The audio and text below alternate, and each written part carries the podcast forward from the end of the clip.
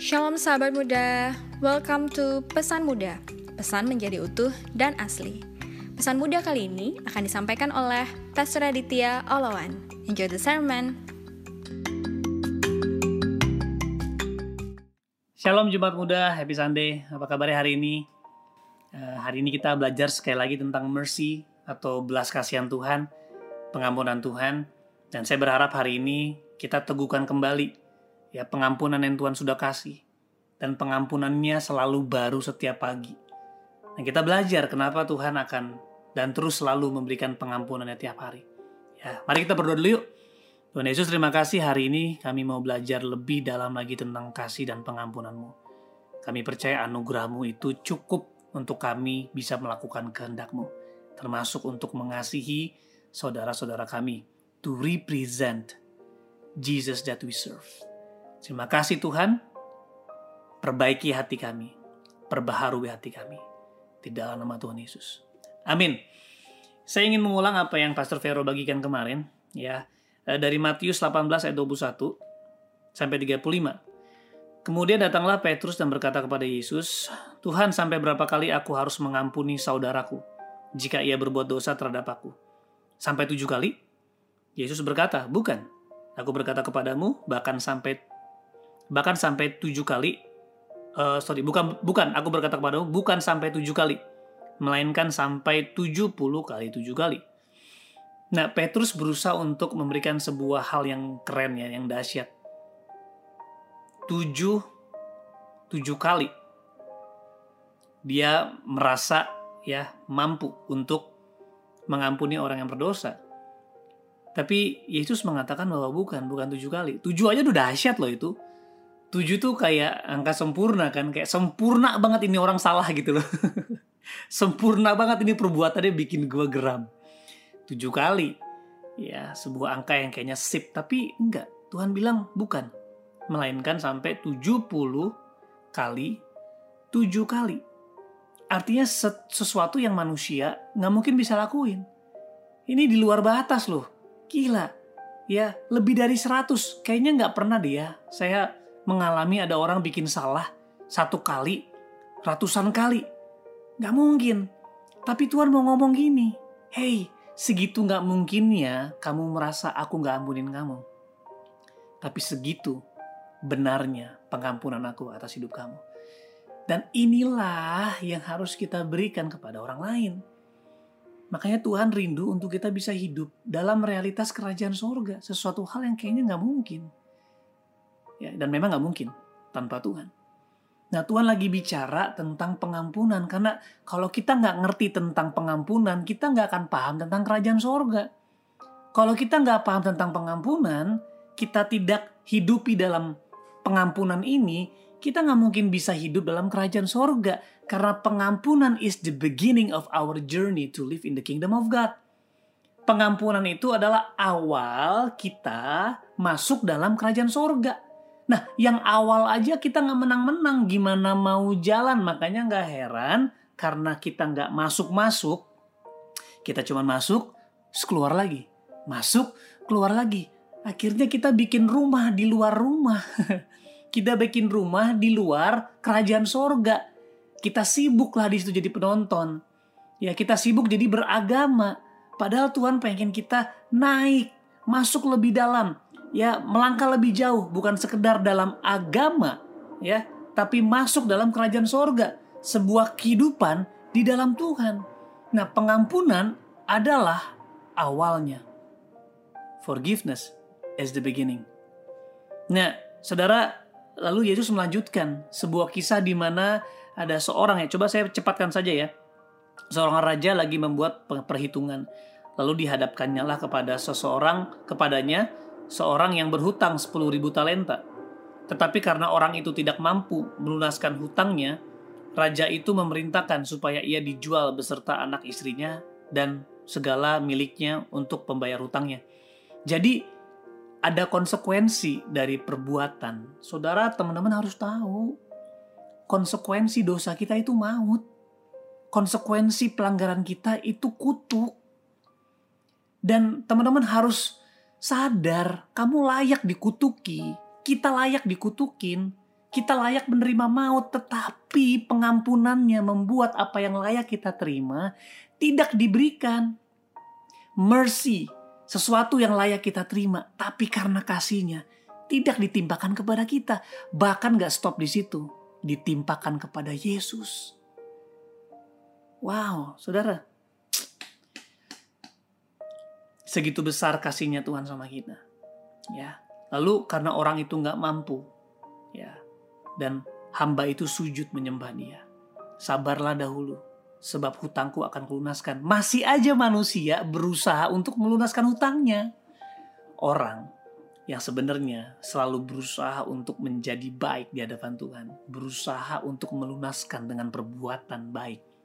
Dia akan selalu ya bounce backnya apa? Membuat orang lain juga melunaskan hutangnya.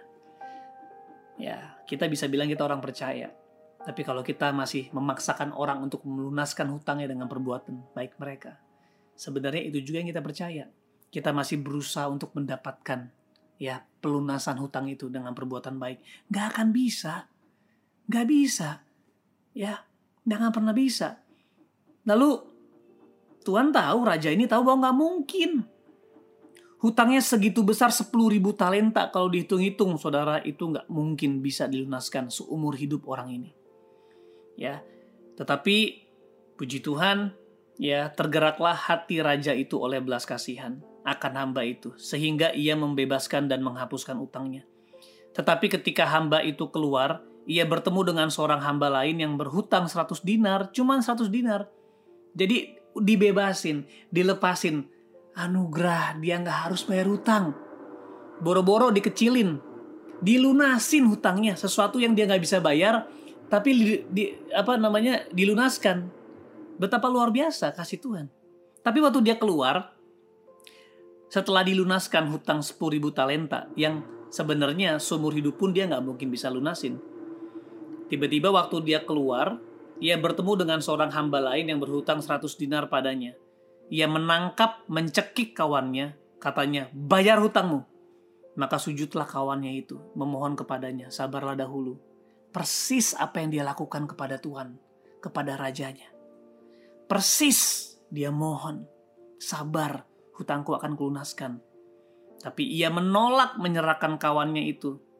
Wow, ia menolak dan menyerahkan kawannya itu ke dalam penjara sampai dilunaskan hutangnya. Sepuluh ribu talenta.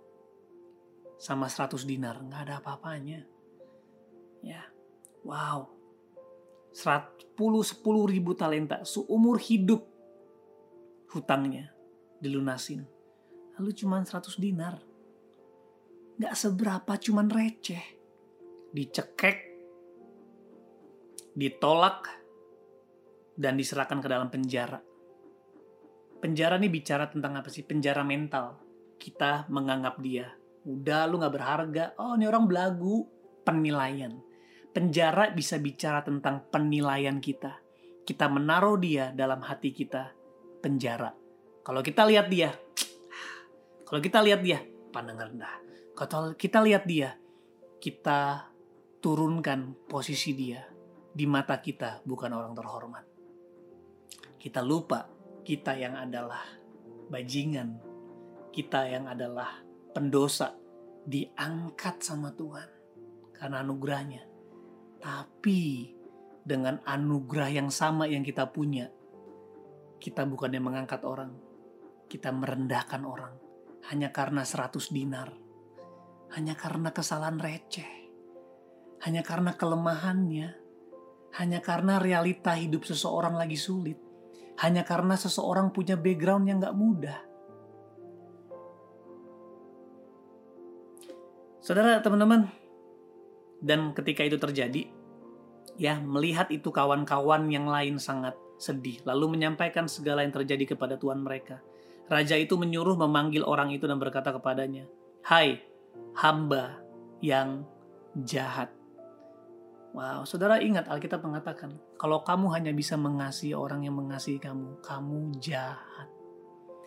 Kalau kamu hanya bisa memberi kepada orang yang baik sama kamu, yang setuju sama kamu, atau saya bisa bilang fansnya kamu yang selalu agree sama kamu, selalu bilang kamu hebat, kamu luar biasa, ya selalu eh, nggak uh, ada dalam oposisimu ya punya selalu sempurna di depan kamu atau mungkin selalu kamu bisa kendalikan dengan apa yang kamu punya. Kamu jahat. Ya jahat. Makanya Alkitab bilang kalau musuhmu lapar kasih makan musuhmu kedinginan kasih baju wow kasihi sesamamu dan cintai juga musuhmu bahkan balas kejahatan dengan kebaikan dan ketika kita gagal memberikan kebaikan kepada orang yang jahat, kamu yang jahat, saya yang jahat. Kenapa? Karena segitu tidak mampunya kita melunaskan hutang kita yang adalah kutuk maut, tapi karena belas kasihan Tuhan, Dia anugerahkan kepada kita. Harusnya Matius 10 ayat 8. Freely you have received, freely you have to give Secara gratis kamu menerima. Secara gratis juga kamu harus memberikan. Kalau tidak, kamu jahat. Makanya teman-teman, orang jahat itu bukan orang yang dipenjara, pemerkosa, bukan pemakai narkoba, bukan mereka orang lemah. Mereka manusia pada umumnya. Dosa butuh pengharapan. Tapi yang Alkitab bilang jahat adalah orang-orang yang telah menerima anugerahnya, tapi tidak memberikan sebesar yang telah dia terima. Saudara, hari ini saya ingin mengajak teman-teman semua berhenti jadi orang jahat. Ya, karena kita orang-orang yang dianugerahi. Setiap hari saya selalu belajar karena jujur saya sadar saya jahat. Saya sadar pikiran saya, hati saya, wow, Kenapa saya bilang jahat? Saya mungkin nggak membunuh, saya mungkin tidak uh, melakukan hal-hal yang mungkin bombastis dalam tingkat kriminalitas, tapi karena saya gagal untuk mengasihi mereka sebesar saya sudah dikasihi. Saya gagal untuk memberikan kemurahan, pengampunan, belas kasihan kepada mereka. Sebesar saya telah diberikan, padahal yang mereka lakukan tidak sebesar dosa saya terhadap Tuhan. Tapi Tuhan memberikan anugerahnya bukan hanya dalam bentuk pengampunan, I forgive you, tapi dia mati buat saya, dia mati buat kamu. Saudara hari ini mari yuk kita kita bareng-bareng kita kita mau belajar tentang mercy ini. Karena kalau kita nggak menang di sini, kamu nggak akan ke mana-mana. Kamu cuma jadi beragama karena pengampunan itu baru pintu gerbang untuk kita masuk dalam kerajaan surga. Makanya bicara tentang carilah kerajaan surga dan kebenarannya. Gimana lo mau dapetin kebenarannya kalau pintu depannya aja lu nggak menang? Kalau pintu depannya aja lu belum bisa buka, lu buka masuk terus mundur lagi. Kenapa? Karena pengampunan yang sama yang kita terima gak kita kasih. Kita malah jadi tadi udah nerima pengampunan tapi jahat. Jadinya apa? Jahat. Tuhan pengen supaya kita mengalami kuasa kerajaan surga di mana kita mengenal kerajaan sorga dan seluruh kebenaran dan semua ditambahkan. Semua yang kita perlukan untuk hidup maksimal. Semua yang kita perlukan untuk bisa membawa kerajaan sorga ke tengah-tengah bumi ini. Semua yang kita perlukan buat jadi jawaban, buat jadi mujizat, buat jadi berkat. Kita kehilangan. Karena apa? Kita stuck di depan. Pengampunan. Bahkan pengampunan Tuhan itu selalu baru setiap pagi. Tapi at the same time, This is the beginning of our resurrected life. Ini adalah awal kehidupan kita dalam kebangkitan Kristus. Ya, makanya forgiveness is the beginning of our resurrected life. Kalau ini nggak menang, sesungguhnya kita lagi jalan di tempat muter-muter aja. Ya. Ratapan 3 21 sampai 23. Tetapi hal-hal inilah yang kuperhatikan oleh sebab itu aku akan berharap Tak berkesudahan kasih setia Tuhan, tak habis-habisnya rahmatnya, selalu baru tiap pagi. Besar kesetiaanmu, selalu baru tiap pagi. Artinya teman-teman, malam itu kamu lakuin apa? Pagi-pagi kemurahan Tuhan selalu baru. Wow, always new, every morning. Makanya kita nggak pernah kehabisan kasih buat orang lain kita aja yang selalu memperbaharui keras kepala kita semakin keras, semakin keras, semakin keras, semakin keras, semakin keras. Dengan kata lain, semakin jahat, semakin jahat, semakin jahat, semakin jahat. Dengan cara apa? Menolak memberikan apa yang telah kita beri. Sedangkan anugerahnya selalu baru tiap pagi. Kemurahan Tuhan always new every morning. Teman-teman ada lima step, ada lima bagian yang hari ini aku membahas secara cepat. Mercy, bagaimana kita bisa hidup dalam mercy kepada orang-orang sekitar kita. Yang pertama, M, matikan dirimu. Ya, Alkitab mengatakan Lukas 9:23, katanya kepada mereka semua, setiap orang yang mau mengikut aku, ia harus menyangkal dirinya, memikul salibnya setiap hari dan mengikut aku. Kita tuh pengen banget bales, ih siapa sih? Siapa sih lu? Bahkan kita kita sebarin ke orang-orang. Ya, bahkan kita bisa bilang kalau kamu main sama dia, aku nggak mau main sama kamu. Main itu jahat, jahat banget. Ya, matikan dirimu guys. Kalau kamu nggak matiin dirimu, kamu akan matiin banyak orang. Kamu akan matikan banyak hubungan. Ya, Paulus bilang, I die daily. Supaya aku benar-benar bisa berkenan sama Tuhan. Ya, dan kabar baiknya Yesus memastikan perkenanan itu sama kita. Artinya tugas kita selalu mematikan diri kita setiap hari. Pikul salib. Salib bicara tentang apa sih? Jiwa-jiwa kehendak Tuhan adalah jiwa-jiwa. Yesus rela pikul salib sampai ke bukit Golgota, sampai mati di kayu salib untuk menebus kita dari dosa. So menyangkal diri supaya kita bisa pikirin jiwa-jiwa untuk mengikuti Yesus. Kalau enggak, gagal. Ya, habis matikan diri baru kita bisa yang kedua. E, eliminasi. Eliminasi kelemahan-kelemahan orang lain yang membuat kamu tersandung ya memang kita jangan bukan berarti kita setuju dengan perbuatannya, tapi kita setuju ya untuk tidak menjadikan kelemahannya batu sandungan bagi kita. Justru kita akan melakukan segala cara. Entah kita menegur, entah kita lakukanlah segala cara, tapi eliminasi kelemahan mereka. Jangan direkam, jangan jadi penjara di hatimu. Kalau kamu jadikan mereka sebagai tawanan di hatimu, sebagai penjara, ya tawanan di penjara di hatimu. Kamu yang rusak, kamu yang mati. Hati kamu itu bukan penjara, hati kamu adalah kerajaan sorga, kemerdekaan bagi banyak orang, tempat Tuhan bertata, rumah Allah bukan penjara. Jadi jangan karena kebencian tersinggung, nggak suka, like and dislike, benci, kepahitan itu satu paket. Jadi menangkan rasa tersinggungmu, eliminasi ya eliminasi kelemahan mereka yang membuat kamu tersandung. 2 Korintus 5 ayat 19 sebab Allah mendamaikan dunia dengan dirinya. Oleh Kristus dengan tidak memperhitungkan pelanggaran mereka yes Tuhan tahu pelanggaran kita tapi Tuhan eliminasi. Artinya apa? Itu tidak menjadi sebuah hal yang mendominasi sehingga Tuhan tidak melakukan ya. Yang namanya apa? Yesus mati di kayu salib. Itu artinya apa? Tuhan tidak kompromi tapi kasihnya lebih besar ya. Tuhan tidak perhitungkan pelanggarannya ya. Artinya tidak jadi masalah. Makanya artinya bukan berarti dosa bukan masalah. Dosa itu masalah besar loh. Ingat dosa itu masalah besar. Makanya Yesus harus turun. Sampai harus mati di kayu salib. Tapi kasih menutupi pelanggaran. Artinya kesalahan itu tidak mengendalikan Tuhan Yesus.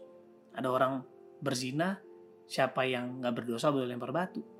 Lalu Yesus bilang, ya sebenarnya aku nggak berdosa, aku boleh lempar batu. Tapi lihat nggak ada yang menghakimi kamu. Ya saya tambahkan ya, pergi dan jangan berbuat dosa lagi. Artinya dosa tidak segitu memikat Yesus karena Yesus tahu kasihnya lebih besar. Yesus nggak takut sama dosa.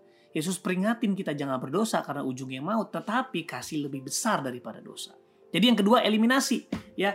Lalu setelah itu rayakan rayakan kebaikan Tuhan di hidup mereka. Ya, jadi kita harus rayakan kebaikan Tuhan di hidup mereka. Kita harus bisa melihat kasih Tuhan di hidup mereka. Kalau enggak, kita akan gagal.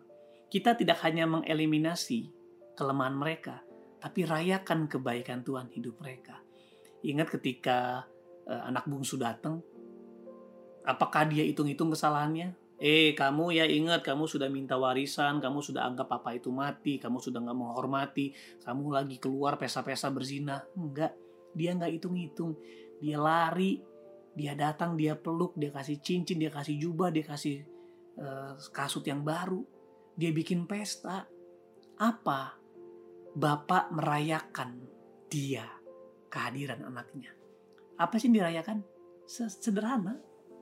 Yang dirayakan adalah siapa dia di hadapan Bapaknya. Bukan perbuatannya, bukan perilakunya, tapi siapa dia. Nah teman-teman harus tahu siapa kita di mata Tuhan. Kita adalah orang-orang yang sangat dicintai. Orang-orang yang terhilang yang Tuhan cari. Jadi jangan perlakukan mereka ya seperti tawanan. Ya, mereka adalah orang-orang yang haus akan pengharapan. Di mata Tuhan mereka adalah wow. Ya Yesaya bilang uh, because you are precious to me because I love you so much. I trade all the creation just for you. Karena engkau begitu berharga di mataku, aku rela menukar seluruh dunia untuk mendapatkan kamu kembali. Rayakan kebaikan Tuhan hidup mereka. Ya, yang keempat, cintai mereka sebagaimana kamu dicintai. Yohanes 15 ayat 12. Inilah perintahku, yaitu supaya kamu saling mengasihi seperti aku telah mengasihi kamu. Cintai mereka sebagaimana kamu dicintai. Yang terakhir, yakinkan dirimu bahwa hal itu yang benar. Seringkali ketika kita melakukan, pas kita melakukan, eh mereka mengambil uh, langkah yang kita nggak suka mereka tidak mengindahkan perbuatan kita. Tapi sekali lagi, kita mencintai bukan untuk respon mereka. Tapi kita mencintai sebagai respon cinta Tuhan atas kita. Jadi mereka tidak anggap indah, ya nggak apa-apa. Mereka tidak hargai, ya nggak apa-apa. Tapi kita akan terus mencintai karena kita tahu cintanya selalu baru tiap pagi. His mercy always new every morning. Jadi karena itu baru, ya kita juga harus kasih baru kecuali Tuhan kasih sisaan. Kalau Tuhan kasih sisa, ya lu kasih sisa. Ya, kalau Tuhan kasih cinta lu yang dua tahun lalu atas cintanya, dan sekarang udah mulai habis, ya kasihlah sisanya. Tapi kan Tuhan kasih selalu baru tiap pagi, kenapa lu kasih sisaan? Kalau Tuhan kasih fresh every morning, kenapa lu kasih yang udah sedikit? Kalau Tuhan kasih segitu mahalnya, kenapa lu anggap jadi murah? Sehingga orang harus bayar. Orang gak harus bayar karena orang gak bisa bayar cinta dari lu. Orang gak bisa bayar pengampunan lu dengan perbuatan baik mereka. Oh lu berubah dulu ya baru gue bisa cintai lu. Gak bisa. Cintailah mereka. Dan percaya perubahan akan mereka alami. Ya, yakinkan dirimu bahwa hal itu benar karena kita melakukan itu karena kita yakin itu hal yang benar bukan karena mereka berubah, bukan karena mereka layak, bukan. Kejadian 50-20 cerita di mana Yusuf dijual, dibuang. Waduh, sampai mengalami hal-hal yang gak enak. Tapi pada waktunya, pada akhirnya dia terus, terus, terus belajar mencintai sampai hatinya pedih, sampai dia nangis teriak seluruh orang dengar. Karena sakit, mencintai itu sakit, tapi lebih sakit tidak mencintai.